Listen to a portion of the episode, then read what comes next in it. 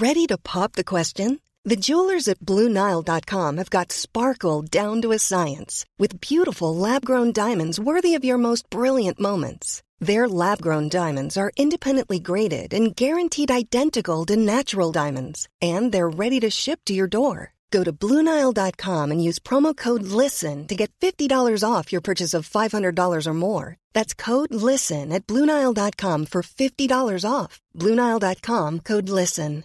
Hey, Dave. Yeah, Randy. Since we founded Bombus, we've always said our socks, underwear, and t shirts are super soft. Any new ideas? Maybe sublimely soft. Or disgustingly cozy? Wait, what? I got it. Bombus. Absurdly comfortable essentials for yourself And for those facing homelessness. because one purchased equals one donated. Wow, did we just write an ad?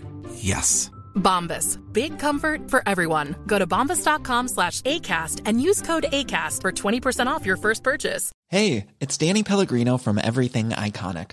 Ready to upgrade your style game without blowing your budget? Check out Quince. They've got all the good stuff shirts and polos, activewear, and fine leather goods, all at 50 to 80% less than other high end brands. And the best part? They're all about safe, ethical, and responsible manufacturing. Get that luxury vibe without the luxury price tag. Hit up quince.com slash upgrade for free shipping and 365 day returns on your next order. That's quince.com slash upgrade.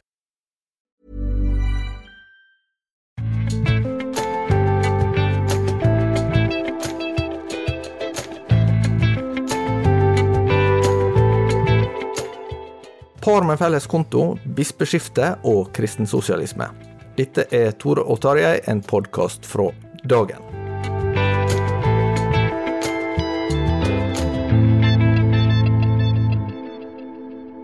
Tarjei Gilje og jeg, Tore Hjalmar Sævik, eh, har ja, valgt en liten bukett av tema som, eh, som for så vidt eh, handler om noe vi har skrevet om eh, i det siste, iallfall eh, som redaksjon. da. Det er ikke alt vi har skrevet om sjøl, men vi syntes det var interessant å ta det opp her.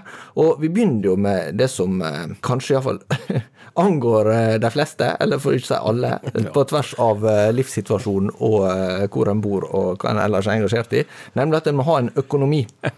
Altså, vi, vi, vi, snakker, eller vi ønsker jo veldig gjerne at, at avisen skal være på en måte en, en, en eh, samtalepartner i hverdagen. At de skal eh, gi innspill til, til det som skjer rundt altså kjøkkenbordet og kirkekaffen og hvor nå gjerne folk snakker sammen.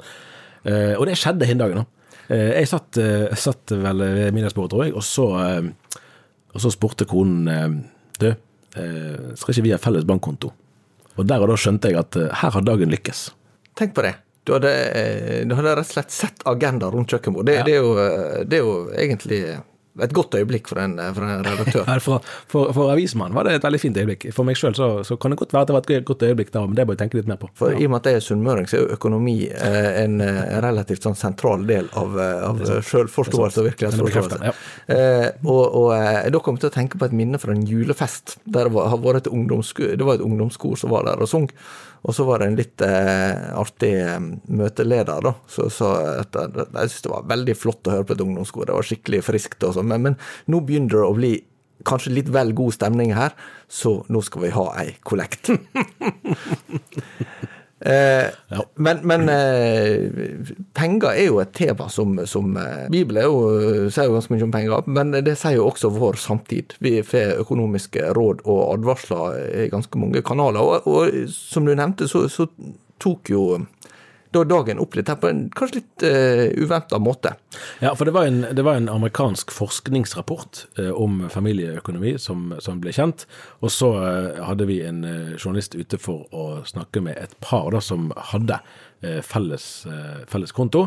Eh, og noe av det som lå bak eh, problemstillingen, var at, eh, at eh, forbrukerøkonomer, altså de du møter f.eks. i banken, gjerne eh, ikke anbefaler å ha pengene felles, mens eh, familierådgivere anbefaler å ha pengene felles. Så Det er ikke så veldig vanskelig å forestille seg at f.eks. familierådgivere vil si at, at det å ha økonomien felles, det knytter sterkere bånd, eh, knytter eh, ektefellene eh, tettere til hverandre og, og mindre hemmeligheter og, og sånn. Mens forbrukerøkonomene kan jo kanskje tenke risiko ved eventuelt samlivsbrudd, at da er det vanskeligere å få til et rettferdig oppgjør hvis man har alt felles. Eller man kan på andre måter tenke at, at forvaltningen skjer bedre hvis den skjer hver for seg. Hva sier du?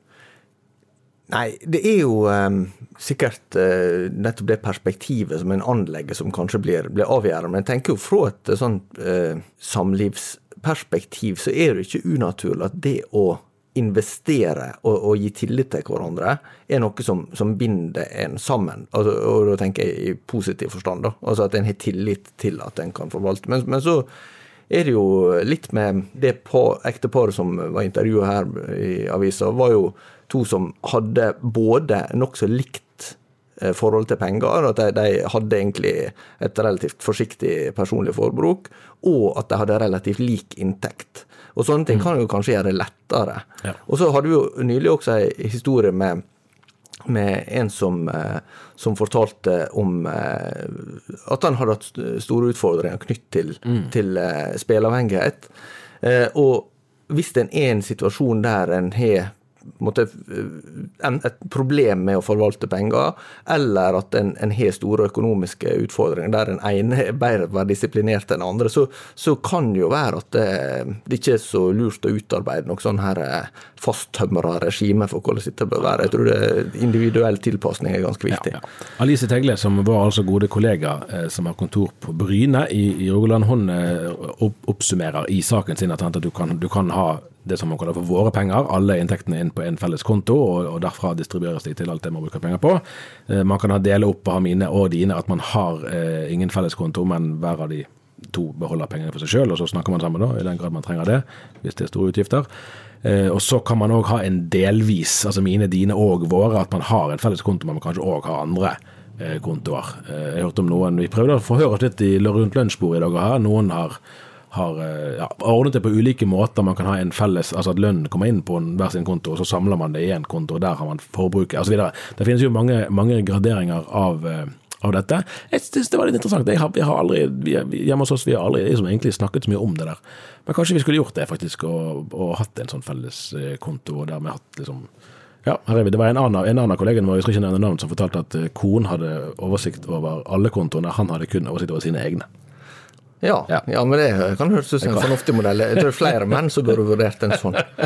Eh, men, men det, det, er jo også ei eh, side ved dette at, den, at, det handler om forvaltning og bevissthet rundt det. Jeg husker vår tidligere redaktør Johannes Kleppa han, han var opptatt av at eh, en bør skrive ned hva en f.eks. gir til gode ja. formål. Mange kristne vil jo ha et ideal om, om å gi 10 av mm. inntekta til, til eh, menighet og misjon mm. og, og, nødhjelp. Og, det, og Som kan ha høyere og lavere prosentsatser. Det, du skal ikke gå inn på hele den debatten om, om hvordan en tenker om det. da. Generelt så er det vel sånn at de, de som driver med økonomisk rådgivning, anbefaler å sette av, altså å, å prioritere det du til å begynne med. da, for At en ikke først tenker på en måte at en en ser hva som er igjen etterpå, når en skal få enten det er snakk om å betale ned lån eller å gi tiende, eller hva det skal være. at, at Eh, det er viktig hva enn den begynner i. For ellers er det jo han, han er Hallgeir Kvassheim han heter. Han er Luksusfellen. Mm. Som også intervjua i Alice si, si, sak, som, som eh, har jo et program der en kan bli ganske både urolig og, og eh, eh sjokkert over eh, hvordan eh, mennesker kan havne i store økonomiske problemer. Har du sett dette programmet? Jeg har sett det ved et par sånn. anledninger. Det var oppsiktsvekkende. Ja, ja, det er lenge siden nå, men, men, men jeg, ble rett og slett litt, litt perpleks ja. da jeg så eh, et, et par som, som, diskuterte om de denne måneden skulle betale strøm eller barnehage. For de kunne ikke betale begge deler. Det var ikke de penger til. De hadde derimot penger til, til å begynne å, å, samle på et servise med Donald-motiv. Eh, eh, og, og, til å kjøpe nytt eh, mm. surround-anlegg for mm. film men, men de hadde ikke penger til strøm. eh, og, og, og, da tenker jeg liksom at det, ja, det, da har vi kanskje begynt litt i feil ende. Ja. For han sa noe interessant. Hans, altså han påpekte at han på en måte hadde gått imot sine egne kolleger, altså økonomene, i å tenke egentlig at, at en større grad av fellesøkonomi eh, var bedre. Eh, og at han sånn sett hadde nærmet seg familierådgivernes veiledning. Og den forskningen fra USA som var utgangspunktet for saken, var jo ganske entydig i at det var de parene som hadde felles økonomi, det var de som eh, hadde det best sammen. Apropos fellesøkonomi, så skal vi nå videre til neste tema. Og det er jo eh, noe som eh, står med i apostelgjerningen om de første kristne, at de hadde alt felles. Mm. Og eh, de som eh, f.eks. kaller seg kristensosialister, vil jo tenke at dette er mønstergyldig for alle tider. Eh, og da passer det egentlig å ta opp igjen en tråd til eh, en sak som jeg skrev for noen uker siden, nemlig med dosent emeritus Jan Ove Ulstein ved Høgskolen i Volda. Si det der dosent emeritus, hva er det for noe? Altså, Emeritus er jo pensjonist. Ja. Eh, dosent Det er egentlig en pensjonist som ikke er pensjonist. Ikke ja, det er jo da en, en, en, en forsker- og undervisningsstilling ved en høyere ja. utdanningsinstitusjon som egentlig tilsvarer professor, men det er et litt annet løp ditt. Så, så, men, men, du er på en måte litt, ja, på det nivået, da. Mm. Um, og han har skrevet en bok om en veldig interessant fase i uh, norsk uh, kirkehistorie. Dette er ikke bare for de spesielt interesserte, for det preger oss ganske mye i dag. Og det, for det var det som var på, Jeg så Boken er jo 500 sider, var jo kjempelang. Ja, det blir ikke folkelesing. Det Nei, jeg. jeg skal prøve å bla litt igjen, ja. for, det at, for det at noe av det som er interessant, er jo at her kan man jo virkelig fordype seg i, i enkeltheter og sånn, og, og, det er nok for de som er ekstra interessert. Men uh, det, altså premisser fra denne perioden og fra denne tenkningen eh, danner vel egentlig norm for ganske mye av det vi i dag tenker på. Ja, det er jo sånn det pleier å være. Ja, eh, og utgangspunktet her er jo studentopprøret som kom i 1968, med ganske sterk grad av eh, kritikk mot det bestående. Eh, det var jo særlig knyttet til Vietnamkrigen, som, som, USA var hovedansvarlig for. Men Norge var jo naturligvis alliert Altså ikke i Vietnamkrigen, men, men Norge var jo alliert med USA via Nato. Og vi hadde også f.eks. Biafra, som var et område i det som i dag er Nigeria, med store sultproblem. Eh, og, og en hadde i hele tatt den postkoloniale virkeligheten der en gikk for sånn som Ulstein beskriver det, å se på det at Europa hadde dominert verden som noe kjempepositivt, og at en hadde spredt sivilisasjon og kultur osv., til å begynne å se mye mer kritisk på det, og problematisere at Europa hadde underlagt seg og utnytta fattige land. Og løsninga på dette kunne jo virke helt sånn Og dette var jo noe som også kom til å prege kristne studentmiljø. Og, og øh, det som da er Ulstein sin generasjon nå, som mm. er ja, i 60-70-åra og inntatt sentrale lederposisjoner i kirke og i akademia osv. Mm. Det er kontrastet her som er interessant, for nå, i dag så vil jo øh, en vanlig anklage mot f.eks. bispekollegiet være at de er altfor venstreorientert. og de er liksom, eh, Jeg husker jeg skrev en sak for noen år siden, ett bispedømme, der det viste at fire av fem eh, av de nominerte til det ledige bispesetet var medlem i Arbeiderpartiet. Ja. Eh, og, og eh, i dag så er det kanskje ikke det så oppsiktsvekkende, men rundt 1970 så var det nok langt mer oppsiktsvekkende. Det ble tatt ei måling på altså Da var jo ikke den kirkelige strukturen som vi har i dag, helt på plass. så Det var et sånn frivillig kirkelig landsmøte seint på 60-tallet, så vidt jeg husker. Og, og eh, jeg lurer på om 97% så sa de ville stemme, ikke sosialistisk. Ja.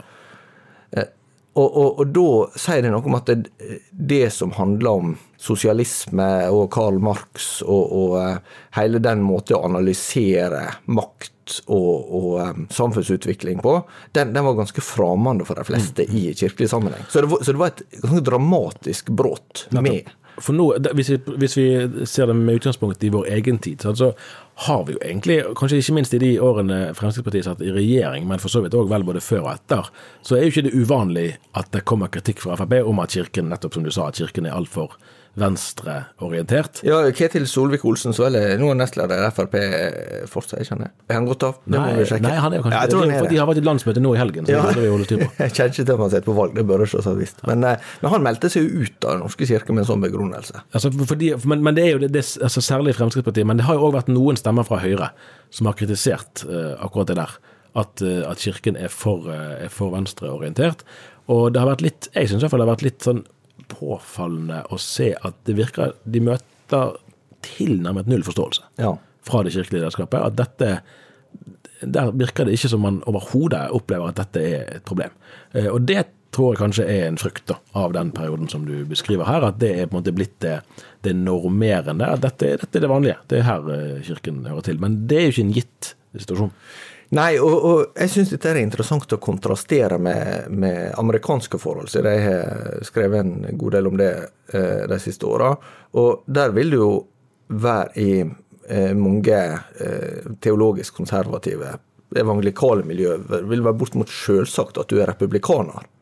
Eh, og det handler jo delvis om, eh, om eh, verdispørsmål altså, som var omstridt de siste ti åra, særlig eh, abortspørsmålet og, og hele kjønns- og samlivsfeltet. Men, men, ikke bare det, for det handler jo også om statens rolle og, og eh, tanken om at skattene bør være lave, reguleringene bør være få, og eh, det skal være stort rom for private initiativ. og, og, og er egentlig en sånn høyreorientert eh, politisk profil, det er Bibelen. Jeg har en bok stående i bokhylla som heter 'Politics According to the Bible', av en amerikansk teologiprofessor, der han eh, på 600-700 sider argumenterer for at eh, republikanerne står for en mer bibelsk politikk. Ja. Og det er jo ganske interessant. Altså, for jeg, jeg, har vel knapt lest ei bok som, eh, som, i så stor grad krasjer med sosialdemokratisk virkelighetsbeskrivelse. Den er vi jo prega av alle sammen.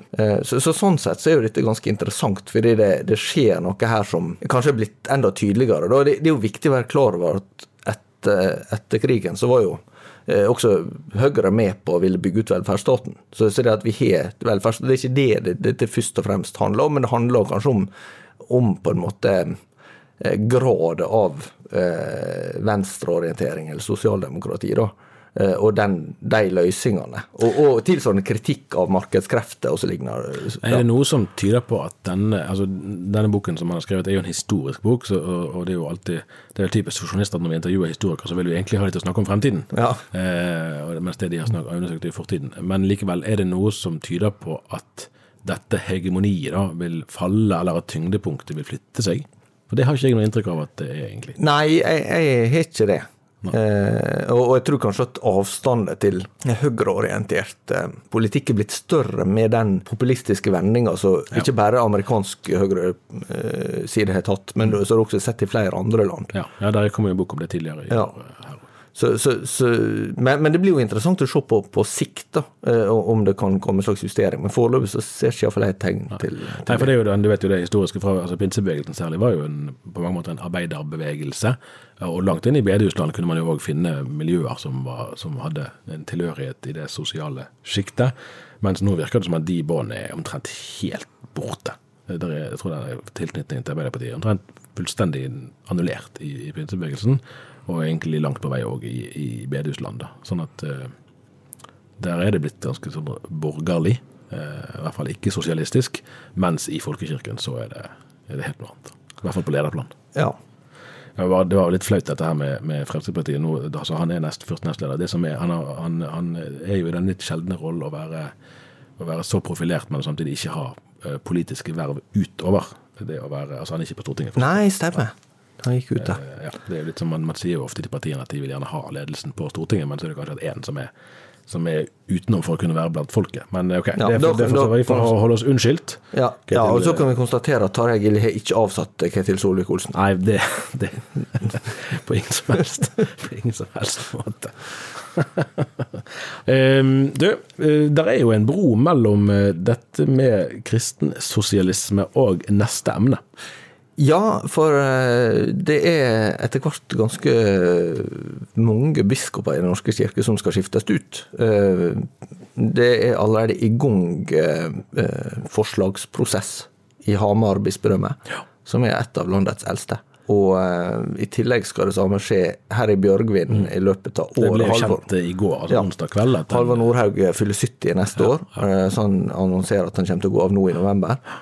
Og så var det jo akkurat skiftet i Borg. Ja, det, det, så det er jo eh, med, altså, med bispeksetet i Fredrikstad. Ja. Så, eh, så der, eh, der er det jo rett og slett store endringer på gang. Jo, det er jo sånn nerdeøvelse. Jeg, jeg sjekket jo litt med, for her er det jo presumptivt forutsigbart at man går av når man er 70, og de fleste biskopene sitter jo til de, til de må gå av. Eh, og dermed at nå kan vi få altså Etter at uh, Bjørgvin har fått ny biskop eh, neste år, så kan det gå fire år der det ikke blir noen utskiftinger, med mindre det skjer et eller annet annet. For de er, ganske, de er ganske godt voksne. altså De er i 60-årene. Eh, i all hovedsak, vel. Ja, det ble gjort ja, et poeng av ja. Det ble gjort et poeng av her, i, her på, i, det siste at uh, Farmen-prest Tor Håvik var foreslått som uh, bispekandidat på ja. Hamar. Det skal godt gjøres når han er ca. 30 år og blir biskop. Jeg tror Per Lønning ble biskop når han var sånn vel 40. Det var veldig tidlig. Ingeborg Midtøm hun, hun eh, kan vel bli den som sitter lengst, tror jeg, på mange hundre år. Fordi hun begynte forholdsvis tidlig, så hvis hun sitter helt til hun må gå av, så gjør hun det.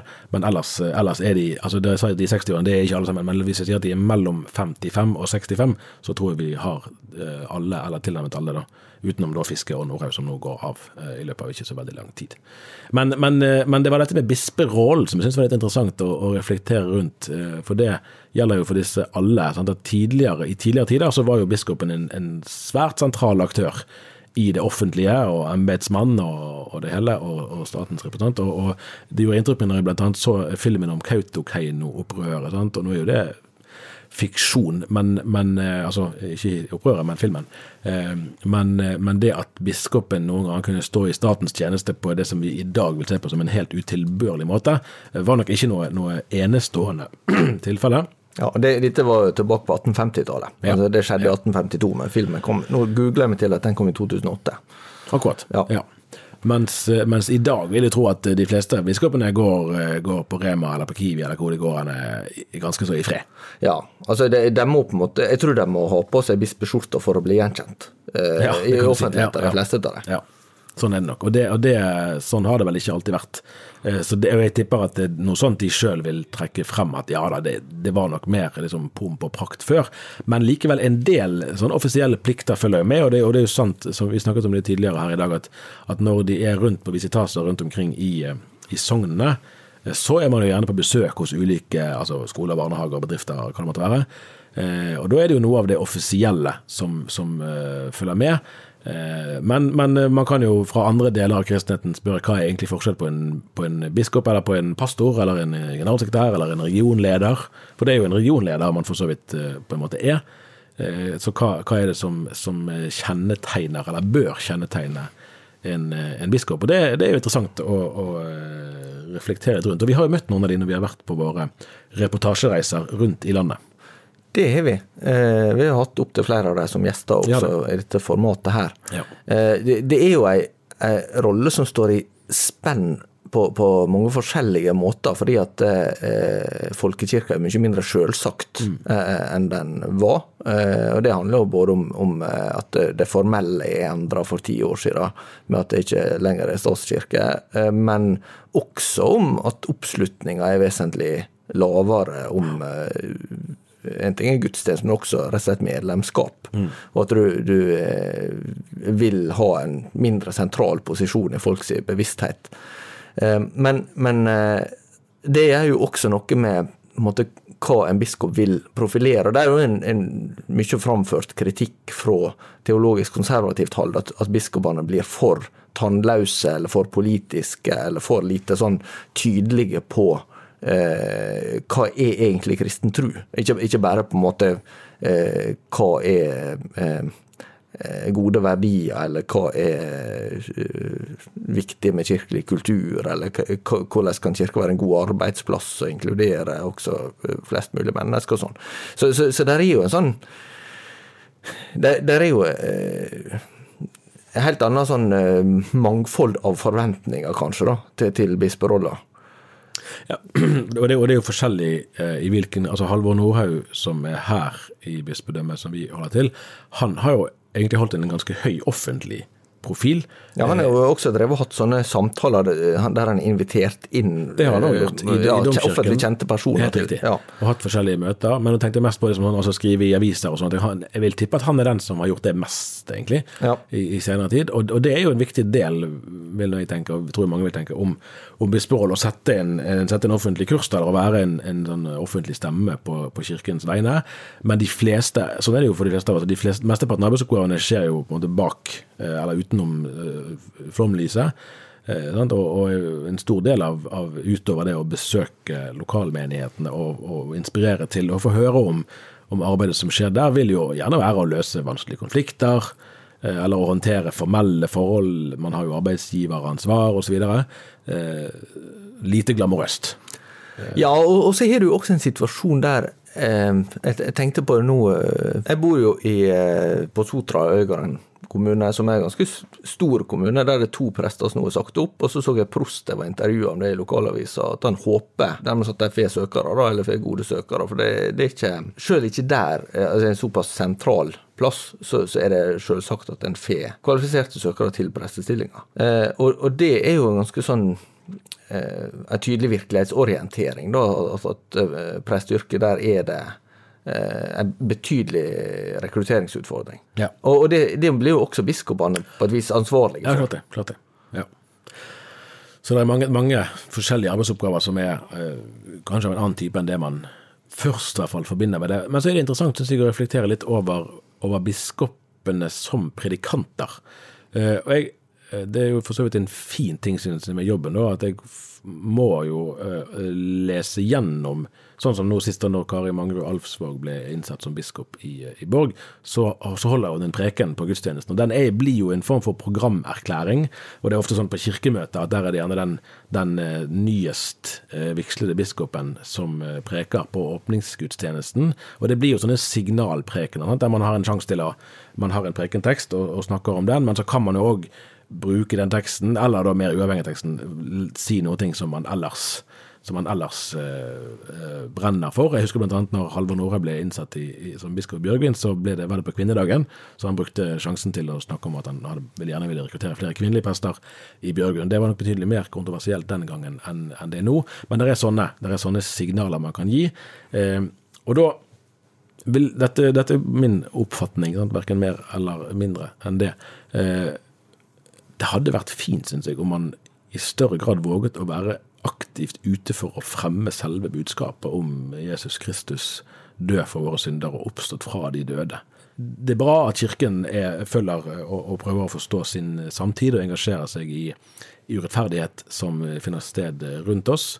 Eh, det er bra at Kirken tar samfunnsansvar, og langt inn i, i politisk betente spørsmål, vil jeg mene, så lenge man kan, kan plassere det i en, i en, kristen eh, kontekst. Eh, men jeg hadde gjerne sett at, at biskopene som Den norske kirkes fremste åndelige ledere, da, i den, hvis vi kan si det sånn, hadde vært mer frimodige som forkynnere.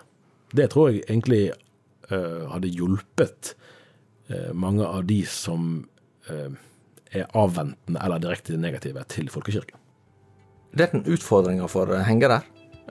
jeg tror vi eh, var kommet til veis ende for i dag, og så eh, er vi tilbake neste uke. Ja, det er det Altså, det er nesten 100 sannsynlig. Ja. Så lenge vi får anledning til det. Ja. Så er iallfall det planen. Fint. Takk for nå. Ha det godt. Ha det bra.